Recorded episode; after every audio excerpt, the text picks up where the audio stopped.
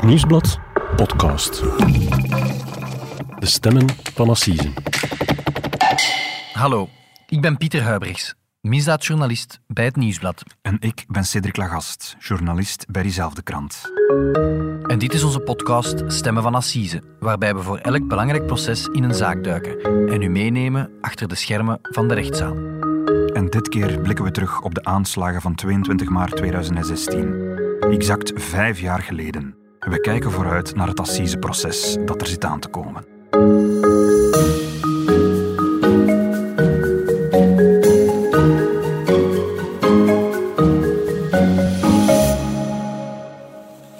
We vreesden een terroristische aanval en dat is gebeurd. In Zaventem en in een metrostation in Brussel hebben terroristen moord gepleegd.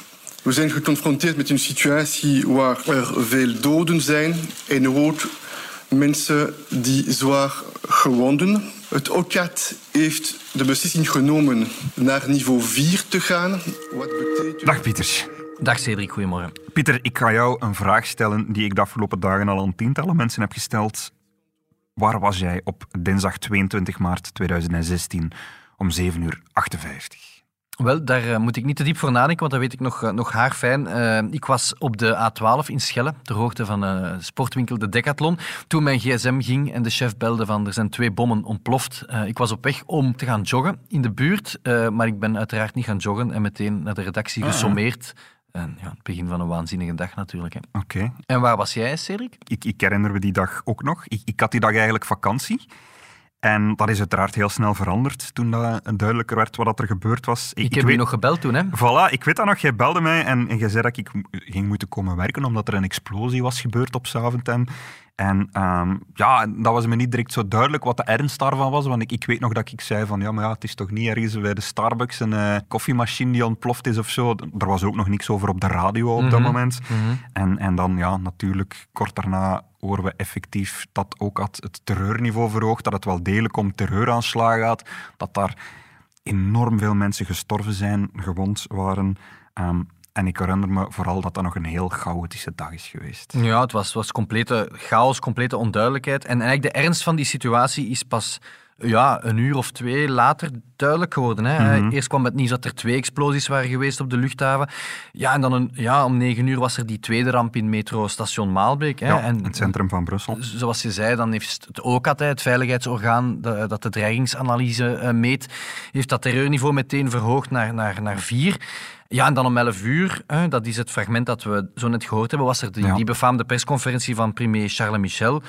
Uh, samen met de, de federaal procureur Frederik van Leeuw. En ja, daar werd aangekondigd van ja, ons land is, uh, zoals gevreesd, getroffen door een terreuraanslag. Ja. Er zijn uiteindelijk 32 doden gevallen, 16 mensen gestorven op Zaventem, 16 mensen gestorven in, in, in Maalbeek.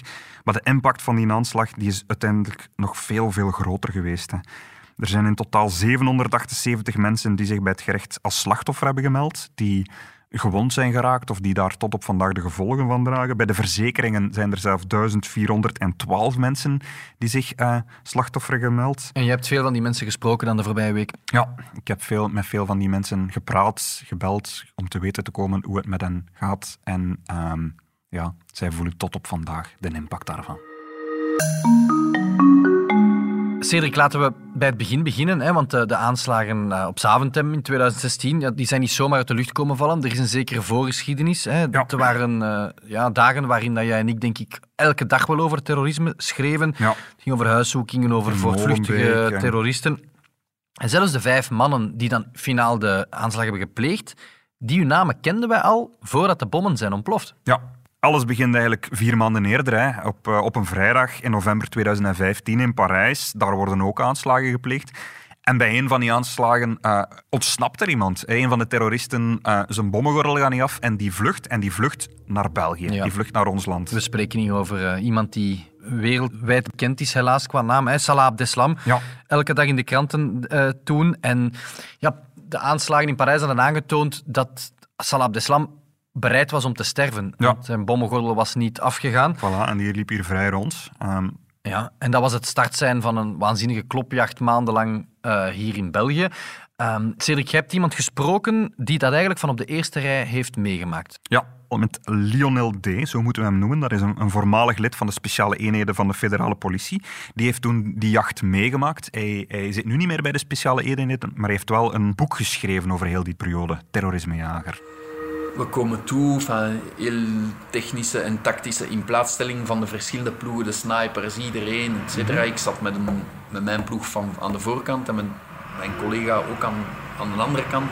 We blazen de ramen eruit en dan worden wij onmiddellijk, onmiddellijk onder vuur genomen. Onmiddellijk. Uh, onder vuur Omdat ze u blijkbaar met een camera ja, zien ze hadden waarschijnlijk... Uh, enfin, die hebben de tijd gehad om, om zich weg te zetten. Allee, ja. tijd. Drie seconden misschien. Maar ja, drie seconden is genoeg om hier achter een hoek te gaan, uw wapen te nemen en te schieten. Dus ja, dan voelen direct dat die respons heel hevig is. Ja. Dat, dat, dat dat oorlogswapens zijn. Dat die gasten zich niet gaan overgeven.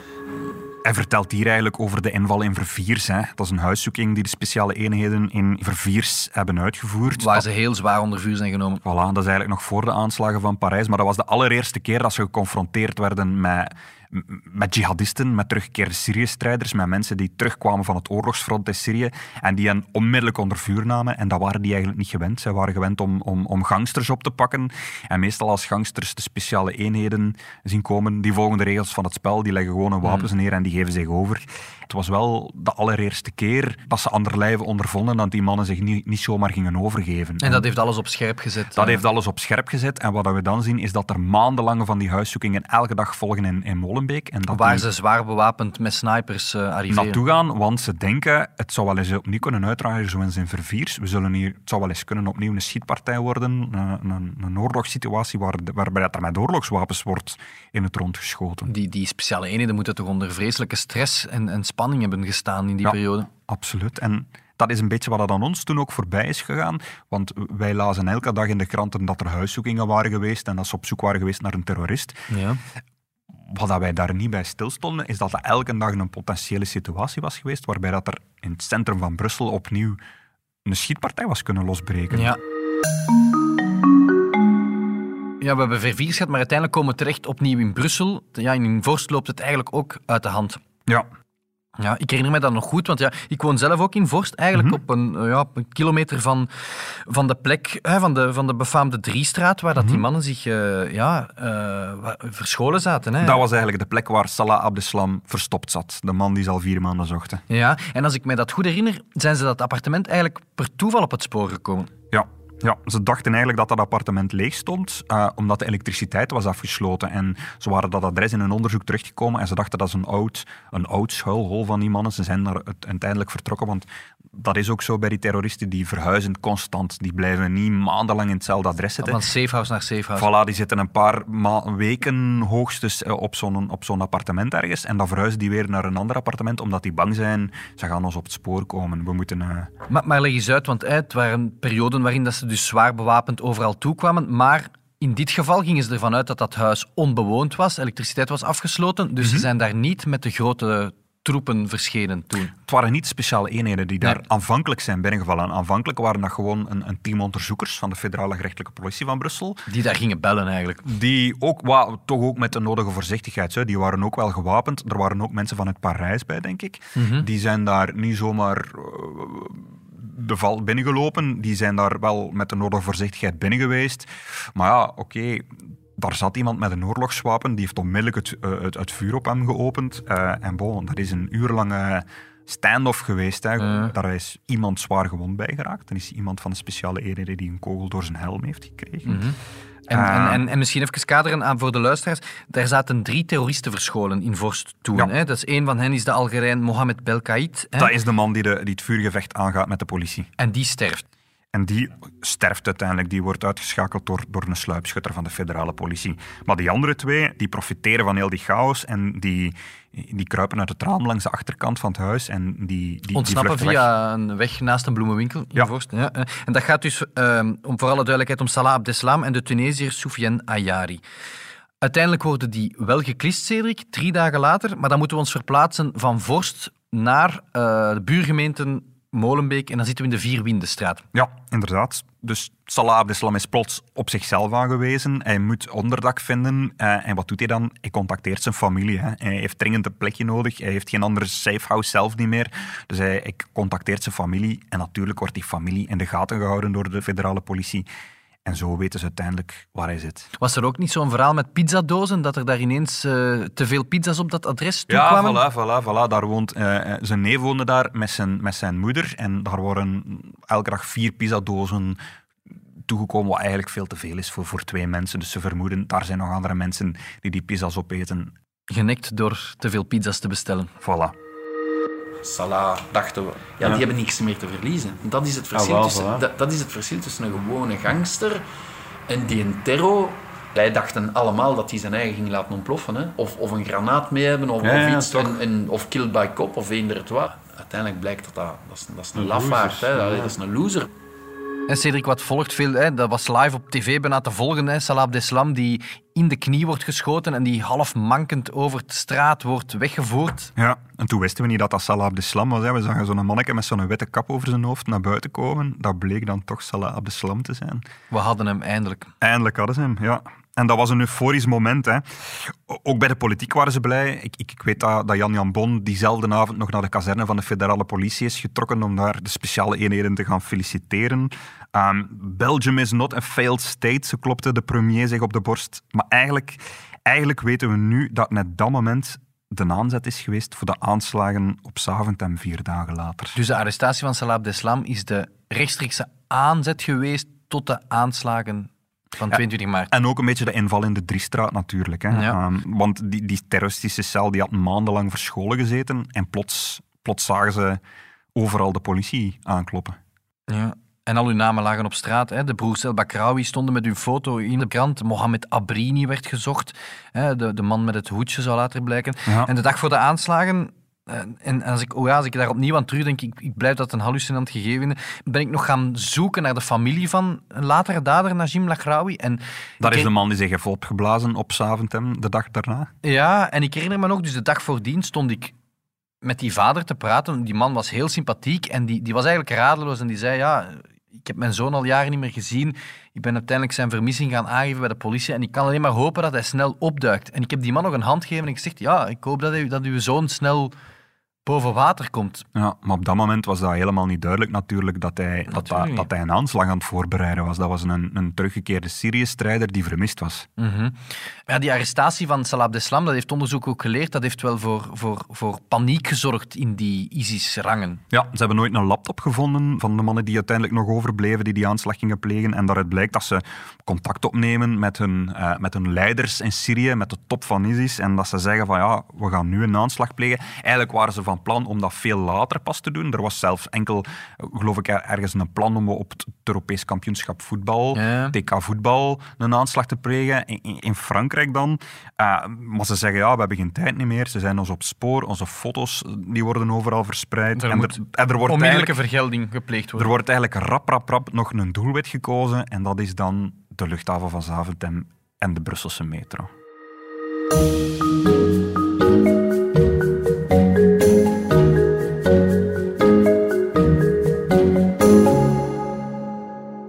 Op het assiseproces over de aanslagen van 22 maart in ons land zullen tien verdachten moeten terechtstaan.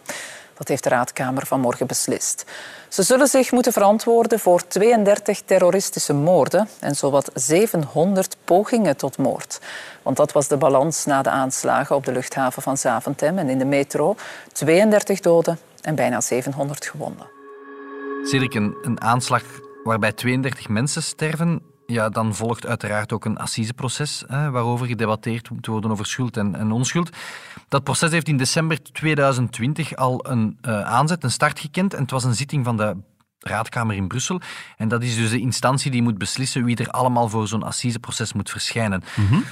Maar het, had- het gaf mij al een beetje de sfeer van een, van een compleet strafproces te zijn. Ja, daar was, was media vanuit heel Europa afgezakt. Daar waren heel veel advocaten. Normaal een raadkamer, dat gepasseerd geruisloos. Maar hier, hier kreeg dat onmiddellijk de ampleur van, van proces is begonnen. Het is, het is zover. Mhm. en, en, leg eens uit, wie zijn nu de beklaagden die effectief moeten terechtstaan? Wel, het federaal parket had gevraagd om acht mannen voor een volksjury te brengen. Het zijn er uiteindelijk tien geworden. De raadkamer heeft zelf beslist dat er nog twee andere mannen uh, toch ook voor assise moeten verschijnen. En de allerbekendste naam, dat zal ongetwijfeld Salah Abdeslam zijn. Hè.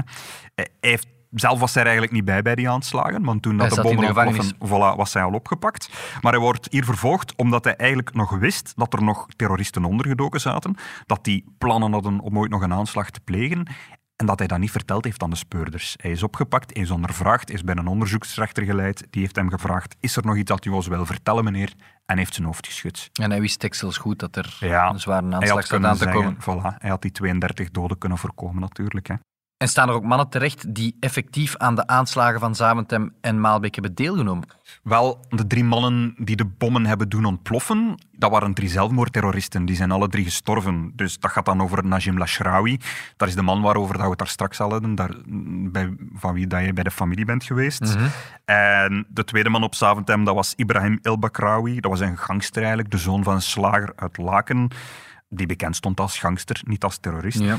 En de enige die de aanslag heeft overleefd en ook zal moeten terechtstaan, dat is Mohamed Abrini.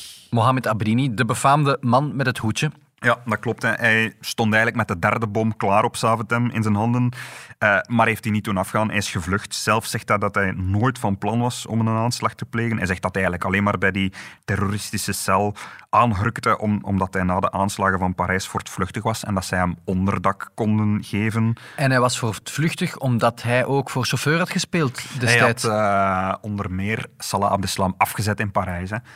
Um, voilà. Dus hij was zowel in Parijs als in Brussel betrokken bij de aanslagen? Ja, en hij zal op beide processen moeten terechtstaan eigenlijk. En op Saventem zegt hij, ik was niet van plan om een aanslag te plegen, ik wou niemand kwaad doen, maar het gerecht gelooft hem eigenlijk niet. Hè. Ook al omdat ze brieven en, en, en een soort dagboek van hem gevonden hebben, waarin dat hij een heel ander geluid laat horen. Ja, en ook omdat hij natuurlijk een bom vast had. Voilà. Mm En de terroristen van Maalbeek dan? Daarvan is er ook één overlevende. Uh, de zelfmoordterrorist zelf, Khalid El Bakrawi, dat is de jongere broer van Ibrahim El Bakrawi, die een uur eerder de aanslag op Saventem pleegde. Uh, ook een, e-, eveneens een bekende gangster, die heeft zijn bom wel doen afgaan in metrostation, Maalbeek. Het was eigenlijk de bedoeling om dat met twee te doen, maar de zweet Osama Krayem die heeft er uiteindelijk voor gekozen om te vluchten. Hij heeft zijn bom, TATP, in de toilet doorgespoeld en hij beweert, net zoals Abrini, dat hij eigenlijk niemand kwaad wilde doen. Alleen, hij is dan weer te zien op een propagandafilmpje van ISIS uit Syrië, waarop te zien is hoe een Jordaanse piloot in brand wordt gestoken. Door hem? Hij staat erbij. Hij is niet, niet onmiddellijk de man die, die het vuur in, in brand steekt, maar bo, hij, hij, staat er wel mooi mee op dat filmpje te pronken. Als hij dan zegt van ik wil niemand geen kwaad doen, ik ben... Uh... Dat verhaal houdt weinig steek. Nee, voilà. Dit is een boodschap die ik wil richten aan de Belgische bevolking. En aan de Belgische regering. En aan Europa.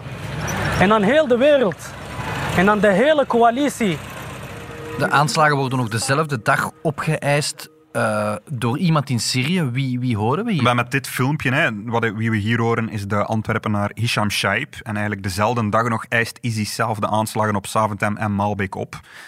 Um, wat wijst dat ze ervan af weten. Want ze hebben direct ook een filmpje klaarstaan en zo. Dus ze zijn erop voorbereid. Ze wisten dat er iets stond te gebeuren. Maar niemand van iedereen die we nu al besproken hebben, is de leider van die bende. Nee, en Hisham Shaimbi is ook niet de leider. Volgens het Belgische gerecht zijn de aanslagen beraamd door de mythische Abu Ahmad. Dat was in de tijd een mysterieuze figuur die al jaren opdook in allerlei documenten van veiligheidsdiensten wereldwijd, ook van de Amerikaanse veiligheidsdiensten. Dat was een superterrorist, iemand met een hoge positie binnen ISIS, die overal binnen Europa aanslagen plande.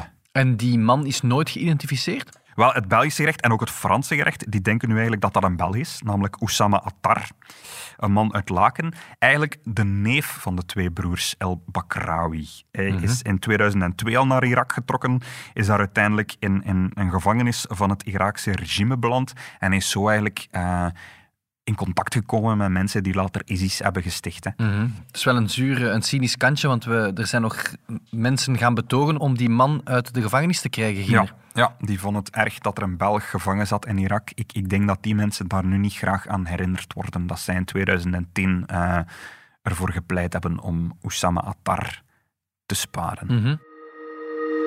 Hij is de neef van de broers El Bakrawi. Hij zou hen geradicaliseerd hebben, maar hij zou dood zijn. Hij zou in november 2017 gestorven zijn door een droneaanval van het Amerikaanse leger in Syrië. En daar zijn we zeker van, omdat je dat in de zaalvorm vertelt? Maar dat weten we nooit niet zeker, hè, want er worden geen overlijdensattesten opgemaakt in oorlogsgebied. Uh, de Amerikanen vermoeden dat ze hem bij hun uh, droneaanval gedood hebben, maar ja, sluitend bewijs, dat is er nooit. Nee. En daarom staat hij nu ook terecht. Hè. Omdat ze niet 100% zeker zijn dat hij, dat hij gestorven is. Om een voorbeeld te geven, uh, Abdelhamid Abaoud, die was ook dood en die dook dan plots op in Parijs om daar zijn aanslagen te plegen. Mm En er zijn daarnaast nog zes andere mannen die mee terecht staan. Ja, het zijn handlangers een beetje, hè, die, die vooral wat klusjes opknapten of die een appartement regelden voor de, voor de terroristen of voor hen boodschappen deden. De opmerkelijkste is misschien uh, Bilal El Makouki. Die kennen we als de eenbenige terrorist. Voilà, dat is hem. Hè. We kennen hem omdat hij in 2015 al in Antwerpen terecht stond op het proces tegen Sharia for Belgium. Sharia for Belgium, daar hebben we ook jarenlang over geschreven, Cedric. Dat is die Antwerpse beweging rond hun spirituele leider, hè, tussen aanhalingstekens, Fouad Belkacem, hè, die, mhm. die jongeren ronselde uh, om, om naar Syrië te gaan, te gaan strijden. Ja. Um, en hij zat daar dus ook bij. Ja, hij, hij, hij, hij, is naar Syrië vertrokken, is uiteindelijk teruggekeerd, want hij was gewond geraakt. Hij was dus zijn been verloren. Uh, hij was in België, naar België teruggekeerd en hij is een van de weinigen die op dat proces effectief terecht stonden, want de meeste beklaagden die zaten allemaal in Syrië. Hij deed daar een beetje uitschijnen dat hij zijn leven had gebeterd, dat hij niet meer met zo'n praktijk bezig was. Maar als we de aanklacht van vandaag zien... Klopt daar weinig van. Ja.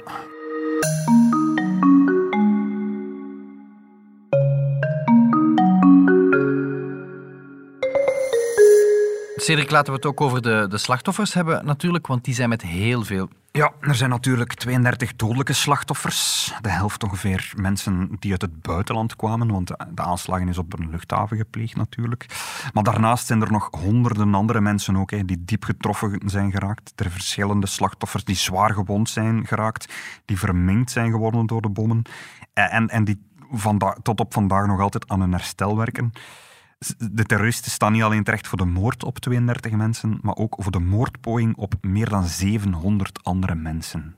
Dat is, eh, dat is ongezien. Hè. Het is natuurlijk moeilijk om een beeld te krijgen van de of het slachtoffer, maar, maar hoe gaat het met de slachtoffers? Heb je daar een beeld? Uh... Maar ik, ik heb de afgelopen dagen met veel mensen gesproken en de rode draad is toch zo'n beetje dat het eigenlijk over het algemeen slecht met hen gaat. Veel mensen hebben die gebeurtenissen nog altijd niet achter zich kunnen laten niet alleen de mensen die fysiek de gevolgen daarvan van dragen, die, die, die aan het revalideren zijn nog altijd. Er zijn ook nog altijd mensen die tot op vandaag met posttraumatische stress kampen. Uh, een veelgehoorde klacht is eigenlijk dat ze zich in de steek laten voelen. In de steek laten voelen door wie? Eerst en vooral door de, verkeer, door de verzekeringsmaatschappijen van Brussels Airport en de Brusselse Metro. Dus die twee, twee verzekeringsmaatschappijen moeten eigenlijk instaan voor de vergoeding van die slachtoffers. Ehm, en vorige week hebben die verzekeraars bekendgemaakt dat ze in totaal al 50 miljoen euro hebben uitgekeerd aan de slachtoffers. Maar in 2016 was al berekend dat, dat, dat ze eigenlijk 118 miljoen zouden moeten uitkeren. Dus ze zitten nog niet eens aan de helft. Um, vaak hebben de mensen gewoon een voorschot gekregen. En, en, en veel slachtoffers klagen dat de verzekeraars eigenlijk systematisch dat bedrag dat moet uitbetaald worden naar beneden proberen te drukken. Dat ze eigenlijk veel moeten doen om, om zo weinig mogelijk te moeten betalen. Mm. Het lijkt me zo'n strijd die je niet wilt voeren, hè, dat je nog met die verzekeraars moet beginnen debatteren en, en dus noods naar de rechter gaan. Nee. Maar ze zijn eigenlijk ook teleurgesteld in de overheid, in de regering. Want kort na de aanslagen is veel beloofd geweest er zou een garantiefonds komen dat, dat alle slachtoffers zou uitbetalen. Dat is met veel bombardie aangekondigd toen? Er zou één loket komen, zodanig dat elk slachtoffer zich gewoon aan één ambtenaar zou moeten, uh, zou moeten uh, richten en vragen waar moet ik zijn om hulp te krijgen, om schadevergoeding te krijgen. Want nu moeten ze soms met twee, drie verschillende uh, verzekeraars met hun eigen verzekering, met, met, met de, de verzekering van een werkgever, met de verzekering, verzekering van Zaventem debatteren. Het is veel te complex eigenlijk. Ja, voilà, voilà, voilà. Maar, maar ze zeggen, daarin zijn ze teleurgesteld, tot op vandaag van vandaag zijn dat allemaal beloftes gebleven.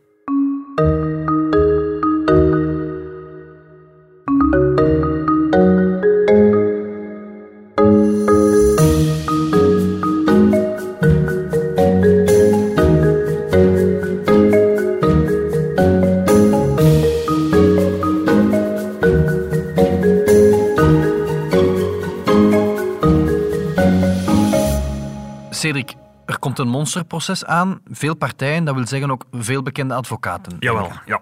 Wie zijn de bekendste? Wel, de hoofdbeschuldigde Salah Abdeslam die heeft Sven Marie als advocaat, de bekende Brusselse strafpleiter. Mhm, maar die twee hebben een hobbelig parcours gereden al samen. Wel, een aantal jaar geleden heeft Sven Marie zich al teruggetrokken als advocaat van Abdeslam. Enerzijds omdat de relatie met zijn cliënt niet optimaal was en als advocaat zijn van de van de opperterrorist, dat is ook een moeilijke positie. Maar, maar vertelde ons ook dat hij doodsbedreigingen kreeg en dergelijke. Ja, maar ik denk dat tot op vandaag hij wel nog altijd de advocaat blijft van Salah Abdeslam. En de man met het hoedje, Mohamed Abrini? Die heeft de Brusselse strafpleiter Stanislas Eskenazi. Ik ben die advocaat al een paar keer gaan interviewen daarover. Dat is een zeer nauwgezette advocaat, denk ik, die al vanaf dag één zijn advocaat is. Mm Oké. En bij de burgerlijke partij? Wel, uh, we hebben een aantal bekende slachtoffers, zoals uh, de oud-basketbalspeler Sébastien Belin, die we nog kennen. Die bij Oostende basketten. Voilà, en uh, de Indiase stewardess Nidhi Shafikar, um, die ook al vaak in de media is verschenen. Zij dat is het iconische fotobeeld waarin dat zij helemaal onder het stof op een bank zit. Met haar gele uniform van India Airways. Well, hun advocaat is Anthony Malego. Die hebben dezelfde advocaat? Ja. Oké. En een andere opmerkelijke advocaat van de burgerlijke partij van de slachtoffers is Renaat Landuits, oud-minister Renaat Landuits. Uh, die is advocaat en die treedt ook op voor een aantal slachtoffers van de aanslagen. En ook Chris Luiks. Zoals gezegd, ja, een, een, monsterproces. En daar is heel wat discussie geweest de voorbije maanden, misschien zelfs jaren, van ja, moet zoiets wel een assiseproces worden of niet? Ja, wel de federaal procureur Frederik van Leeuw zelf, die is daar eigenlijk geen voorstander van. Hè. Eerst en vooral omdat dat proces ontzettend lang gaat duren. Er wordt gesproken van zes maanden tot zelfs negen maanden. Normaal heb je een, een jury van twaalf, twaalf mensen daarvoor. Ze hebben nu al beslist dat ze daar 36 mensen voor zullen uitloten. Wacht, dus dat zijn 36 mensen die zes tot negen maanden zich beschikbaar moeten stellen voor justitie? En daar elke dag gaan, gaan moeten aanwezig zijn, ja, omdat ze verwachten dat er hier en daar iemand misschien ziek valt of afwezig valt of toch eens een dag niet zal komen opdagen. Dus ze hebben 24 reserve uh, juryleden voorzien. Er zullen ook zes rechters worden voorzien. En uh, drie openbare aanklagers. Ook telkens, stel dat er een rechter ziek wordt of dat er een openbaar aanklager ziek wordt, die moet ook kunnen vervangen worden door iemand die in de coulissen uh, warm loopt. Mm Iets zegt mij, Cedric, dat er ook uh, iets meer schuldvragen te beantwoorden zijn dan... Ja, normaal, op een gewoon assiseproces krijg je uh, één of twee schuldvragen. Heeft deze man een moord gepleegd en was het met voorbedachte raden? in deze zullen ze op, naar schatting, 30.000 schuldvragen een antwoord moeten, uh, uh, moeten geven. Wat de uh, federaal procureur van Leeuw de quote ontlokte. We gaan ons belachelijk maken met dit proces. Ook okay. om nog maar te zwijgen over de kosten die de beveiliging van zo'n terreurproces negen maanden lang met zich mee zal brengen. Hè. Ik denk dat veel mensen dan denken van ja, schaf dat assiseproces dan af en, en maak er een correctioneel proces van. En wel, dat is geprobeerd, maar daarvoor moet je de grondwet aanpassen. De grondwet zegt dat, dat, dat, dat deze misdaden voor assise moeten verschijnen. In december is daar nog een poging toe geweest. Er is toen een, een voorstel van de NVA op tafel gekomen om dat aan te passen, om dat effectief voor een gewone strafrechter te brengen. Maar dat voorstel heeft het niet gehaald in het parlement. Dat heeft een tweederde meerderheid nodig, zeker? Omdat het een aanpassing van de grondwet is, ja. Mm -hmm. Wanneer gaat dat uh, assiseproces dan beginnen? Het proces start wellicht, Pieter, in september 2022. Ah, Oké, okay, niet dit jaar. Niet dit jaar, maar volgend jaar. En dat heeft alles te maken opnieuw met aanslagen van Parijs. Er moet eerst een proces over die aanslagen gevoerd worden, omdat die aanslagen eerst gebeurden. En er zijn een aantal mensen die op beide processen moeten terechtstaan, waaronder Salah Abdeslam. En Mohamed Abrini. En Mohamed Abrini bijvoorbeeld. En uh, de Fransen die beginnen pas in september van dit jaar aan dat assiseproces. En wij in België moeten wachten tot dat proces achter de rug is om die mensen ook hier in België te kunnen berichten. Cedric, bedankt om ons even bij te praten over de complexe zaak 22 maart en het assiseproces dat daaruit zal voortvloeien. Graag gedaan. We moeten nog even, eh, voor we deze podcast neerleggen, terug naar Bruggen, waar onze uh, gewaardeerde collega Mark Kliefman voor ons de voorbije anderhalve week het proces heeft gevolgd tegen het duivelskoppel, Jean-Claude Lacote en Hilde van Akker, die daar aankijken tegen een levenslange celstraf opnieuw. En we gaan eens uh, luisteren in Bruggen hoe dat proces verlopen is. Dag Mark, jij hebt voor ons in Brugge het assiseproces gevolgd. Uh, kan je eens vertellen na anderhalve week uh, hoe het is verlopen? Ja, klopt. Het, is, het, was een, het was een lang proces, anderhalve week, maar het was ook een, een stevig proces. Het ging er soms hard aan toe tussen de verschillende partijen. Um, we hebben het eerder al gezegd tijdens de podcast. De, de verdediging, de advocaten van Lacote en Van Akker, die beschuldigden de, de speuders van destijds van, ja, van, van tunnelvisie. Uh, en tussen die speuders en de advocaten ging het er soms hard aan toe. Daarnaast had je ook een aanklager, uh, Yves van den Bussen, die bijzonder hard was voor de beschuldigden. Hij noemde ze allebei koelbloedige moordenaars, de beulen van Marcus Mitchell en hij vorderde ook strenge straffen, levenslang voor Lacote en 30 jaar voor Van Akker. En ja, het hoeft weinig uh, verbazing dat de advocaten van de twee daar alles behalve mee opgezet waren. Finaal, na anderhalve week debatten, zijn zowel Lacote als Van Akker dus schuldig verklaard aan de moord op uh, Marcus Mitchell. Uh, welke straf hebben zij concreet gekregen? Wel, Jean-Claude Lacote werd veroordeeld tot 30 jaar gevangenisstraf. Dus, dus geen levenslang zoals de aanklager had gevorderd. maar goed, in de praktijk maakt dat weinig verschil, lieten de advocaten van Lacote na afloop weten. Hilde Van Akker werd veroordeeld tot 24 jaar cel. De voorzitter, Bart Meegank, uh, die zei tegen Lacote nadien ook van ja, u hebt een, een spoor van menselijke vernieling achtergelaten.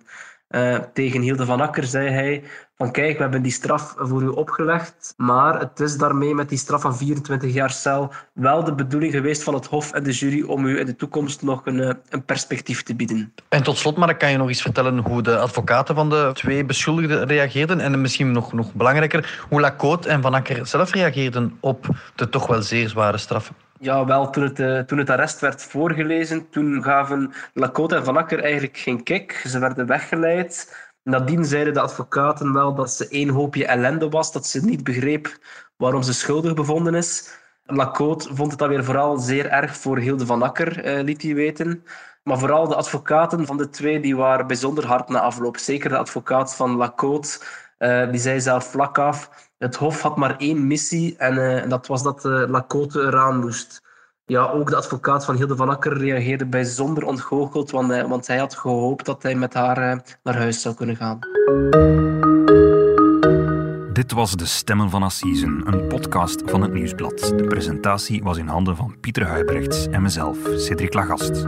Onze dank gaat uit naar de VRT voor het gebruik van enkele audiofragmenten.